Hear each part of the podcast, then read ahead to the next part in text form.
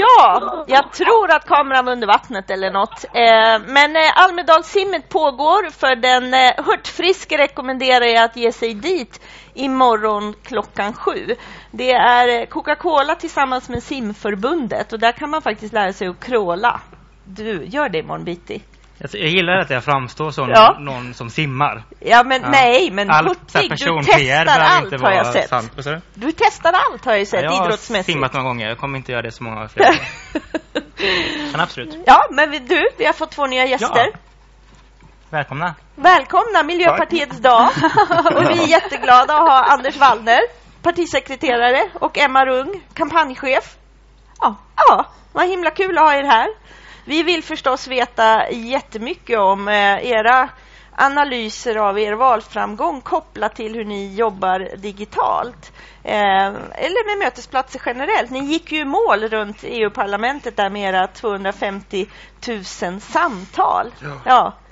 Det känns fint att få komma tillbaka hit och prata om det. Ja. Vi, vi har ju varit, var ju här när vi precis drog igång arbetet Exakt. och pratade om, om vilka, hur vi skulle arbeta och vilka förväntningar vi hade mm. på det. Det var ju ett mål om att, eh, att eh, inte bara prata med 250 000 människor utan att involvera 250 000 människor i politikutveckling.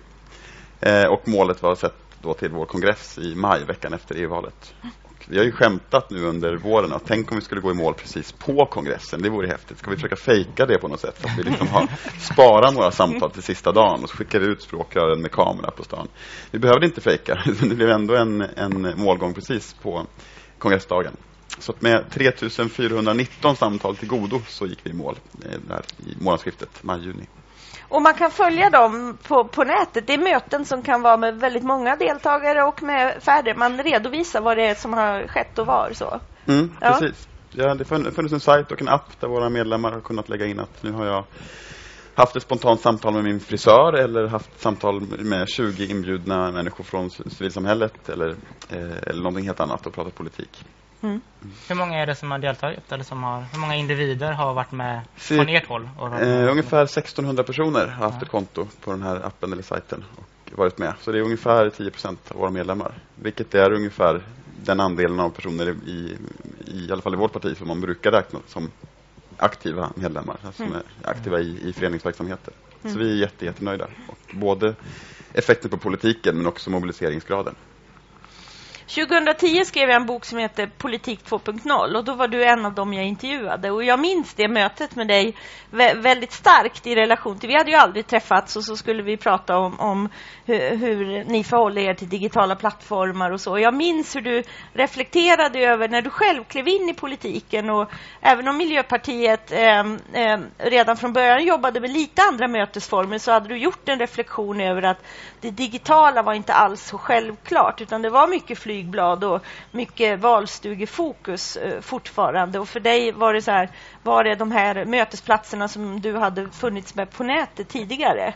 Men det har hänt mycket sedan dess, eller hur? Ja, det har det gjort. Men, även det, men det finns fortfarande en hel del kvar. Ja. Vi insåg ju en bit in i den här kampanjen att folk inte hade greppat att ha de digitala samtalen räknas också. Mm. Och för oss som jobbar med kampanjen var det helt främmande. Varför, varför skulle de inte göra det? Mm. Men det fanns fortfarande det här tänket om att de riktiga samtalen de man gör fysiskt ute i verkligheten. Eh, och sen när folk insåg, jaha, det jag gör på, i sociala medier, det jag gör digitalt, de räknas också. Då rasslade det till lite grann i, i inräkningen också. Just. Hur jobbar ni med att liksom sätta för det där kan jag känna igen inom min egen organisation, normer kring vad som räknas som engagemang och Just. digital aktivism liksom inte riktigt räknas på det sättet. Hur jobbar ni med att bryta de normerna? Inom Miljöpartiet.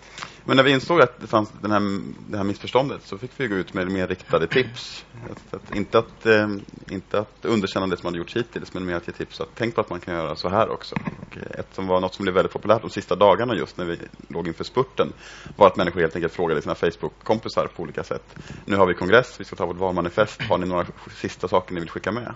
Och de trådarna var ibland det roligaste att se under hela kampanjen, för då blev det så extremt transparent också. Att, eh, att personer kunde komma med korta inspel om att den här frågan borde ni göra någonting åt. Och nu är, bara, nu är utmaningen nu resten av det som är kvar av den här valrörelsen att det också sker en återkoppling mm. till alla de människor man har haft kontakt med. Och där är, de, där är de digitala samtalen oslagbara för där finns det ju en sätt att gå tillbaka och mm. följa samtalen bakåt och se exakt vilka man pratat med och vad man har pratat om. Mm. Jag måste bara fråga, finns det något, för det där kan jag känna igen också i min egen organisation, att man ska involvera många och man ska berika det, men ni, ni kan påverka politiken, slutprodukten, sådana saker. Finns det några konkreta exempel på um, i um, valmanifest eller annat. Så det här är någonting som ni har fått reda på i samtalen så som har lett till en ändring i partistyrelsens förslag. Liksom, eller sånt där. Mm. Det finns många sådana. Eh, tycker ett av de bästa är vår, vår riksdagsledamot från Göteborg, Elise Nordin, som jobbar med energifrågorna.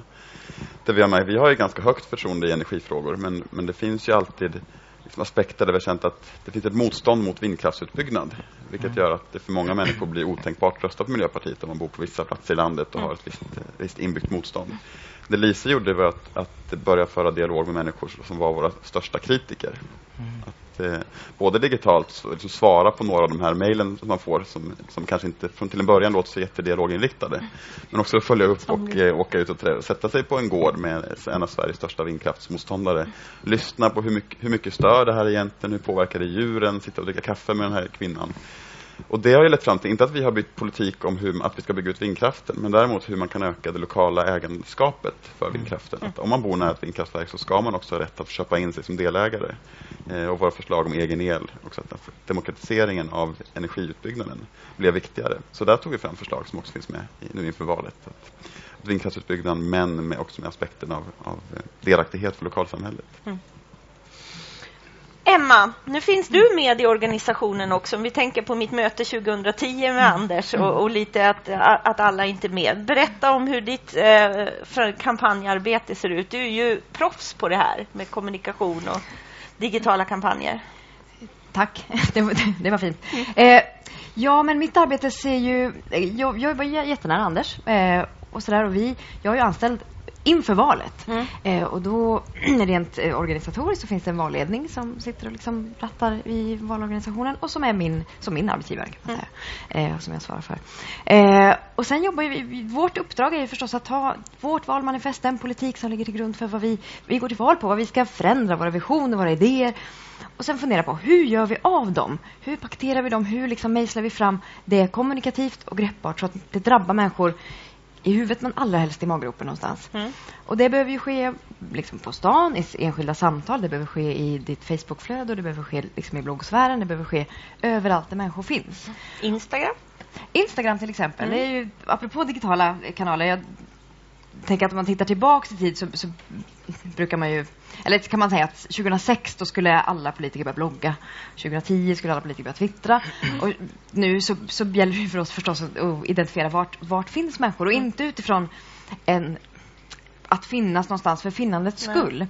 Så kan jag ofta tycka att diskussionen blir om sociala medier. Är ni på Facebook? Och så, så är det liksom mm. lösningen eller inte. Mm.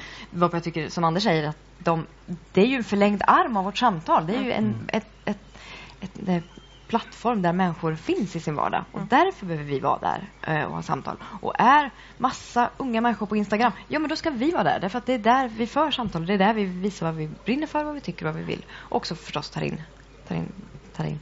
Eh, så, att, så att vi vill ju förstås titta över vilka sociala medier ska vi finnas på? Vilka behöver finnas på? Vilka ska vi utforska? Vilka behöver vi liksom luska på?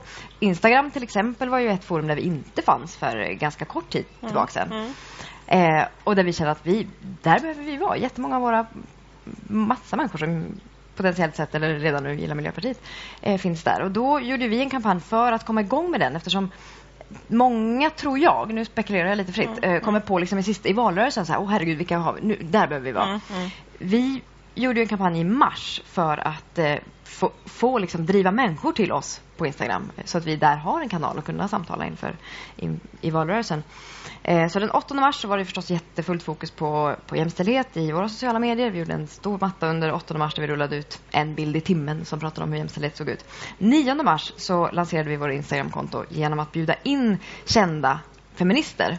Eh, och så lånade vi ut vårt konto. Vi har inte haft Instagram förut som parti. Ni är jätteduktiga där. Eh, ni brinner för frågan om jämställdhet och nu måste frågan hålla liv även efter 8 mars. Därför döpte vi kampanjen 9 mars. Och så lånade vi ut vårt konto. Här är kontonummer, eller vad säger man? Password och eh, login. Mm. Insta loss.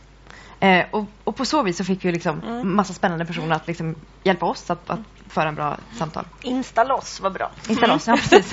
Det är intressant för jag vet jag följer Miljöpartiet och så signade upp mig eller följer på Instagram och så kände jag att här är en massa människor som inte är miljöpartister som man får på köpet och så tänkte jag så här okej det är ganska nytt och det, jag gillar liksom att ni släppte loss och bjöd in andra. Eh, har ni diskuterat det i andra kanaler? Jag tänker ett Twitterkonto eller Facebook-kanal är ju etablerade kanaler som når fler. Skulle ni våga släppa in andra aktörer? För jag tänkte att alla de här som var feministiskt aktiva kanske inte är miljöpartister och tycker som ni i alla lägen. Liksom. Det är ju en jag tror det är en jätteviktig fråga att ställa sig hela tiden. Hur, hur öppna och hur modiga vågar man vara? För det är ju jättemodigt att säga här har ni lösen till vårt konto. Eh, och, och inte alls kunna kontrollera egentligen eh, vad, som, vad som sägs eller vad som görs. Men, men då gäller det förstås en nära dialog och sen ha en jättestor portion tillit. Och det tror jag vi måste ha. Jag tror vi måste våga utöva det i våra kanaler. Precis som vi har i massa samtal. Vi har ju massa medlemmar som för samtal varenda dag. Eh, vi har ju massa människor som pratar miljö, miljöpartistisk politik överallt. Här just nu så, så förs det redan. Det kan vi aldrig liksom, eh, ge liksom, tänk på att prata om det där. Eller, utan vi måste ju ha, ha tillit till att människor som är engagerade och brinner får göra det. Jag, jag skulle älska att vi vågar göra det någon dag. Jag vågar inte lova det just nu men Jag såg och tänkte så här om, man, som, om Anders bara under en vecka så låter jag andra medlemmar svara på min mail. Ska jag bara se vad som Gud händer. vad skönt också. Det tänker låter jag. fantastiskt. jag tänker att det är lätt också att man hamnar i, alltså man, vi pratar ju jättemycket i Almedalen annars om hur man, hur man kan vara, göra mer innovativa valrörelser, hur kan man utveckla de traditionella valrörelsemetoderna. Och då låter det ibland som att sociala medier är liksom innovationen i sig. Men där kan man ju också gå i, i träda och fortsätta göra på saker som man, alltså nu har man ju den som sköter Facebook åt oss är jättebra på det och gör det. Liksom. Eh, där man säkert kan hitta jättemånga olika sätt att använda sociala medier på mer innovativa sätt. Man märker man ganska snabbt när man kollar runt på partiernas Facebook-konton att det händer inte jättemycket. Ja, men, och något nu vi- verkar det något hända Något vi gjorde där i valrörelsen som, jag, som var- väldigt roligt var den digitala valstugan. Som var en ganska spontan idé som dök upp i slutet av valrörelsen. Just för att möta men det är jättemånga som hör av sig med frågor, men det kanske skulle vara ännu fler om det, liksom, om det är Peter Eriksson och Isabella Lövin som sitter och svarar på frågorna. Så då använder vi Facebook, inte som en, en, Miljöpartiet-person, utan som en plattform för att våra företrädare skulle sitta där och svara på frågor. Och det kommer ju in tusentals frågor till Peter, Isabella, Gustav, Åsa och mig som satt några timmar var och betade av. Så att det, det var jätteroligt Ja. och säkert Ja. någonting vi kommer göra igen. Och det finns ju också en viktig symbol i det. Att visa att liksom, vi, finns, finns och finns tillgängliga och ända in i, liksom, till valdagen. Kom och ställ våra frågor. Och, och klassiskt är ju att vi står här på det här torget eller vi ställer oss i den här valstugan och kommer förbi. Och istället kunna visa vi finns för vart du än är. Du är kvar i hängmattan och ligger med telefonen eller så är du i soffan och har inte bestämt om du ens ska gå och rösta. Ja, men närheten då, liksom, att, att minska avståndet till politiken kan vi ju göra på nätet. Därför den har du liksom här, har vi nätet direkt. Ja. Och det tror jag är jätte, jätteviktigt i hur vi tänker hela tiden. Men jag håller med också Anders i att ofta tycker jag, och även här den här veckan, så pratar man om sociala medier som ett eget liksom, fenomen. En, en egen, så här, som en liten ö. Vilka jobbar med det? Hur har ni det? Och det tror jag, jag hoppas det när vi är här om ett år eller om två år eller om fem år, så, så ser man inte det som en, ett eget svar på saker, utan som en av flera sätt där vi möter människor. Och då tror jag att det som om vi ska bli riktigt, riktigt bra på det och använda styrkan i sociala medier är ju att våga vara sociala, att våga bjuda upp till dans där. Se till att liksom, varenda grej vi lägger ut måste vi kunna svara på. Vi måste diskutera det på en direkt. Eh, och det tror jag man ser skillnaden mellan de som är liksom jättebra på att jobba med sociala medier och de som håller på att bli jättebra eh, i hur man, hur man tänker med det. Jag ser fortfarande folk som skickar ut liksom, här är vårt, mm, liksom, här är vår motion om det Här. Eller här är vårt pressmeddelande. Och så liksom, hopp, släpper man det så.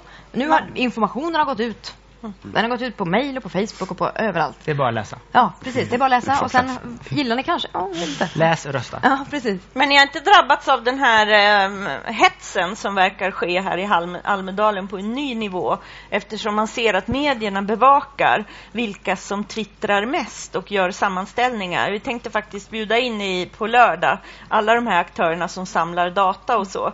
Men eh, ja, Tobias Brandel i Svenska Dagbladet lyfter ju upp vilka som är de sociala medier snackisarna och vilka som är mest aktiva. Och när jag ser en sån här sammanställning så funderar jag på, men, ja, men aktiva på vilket sätt då?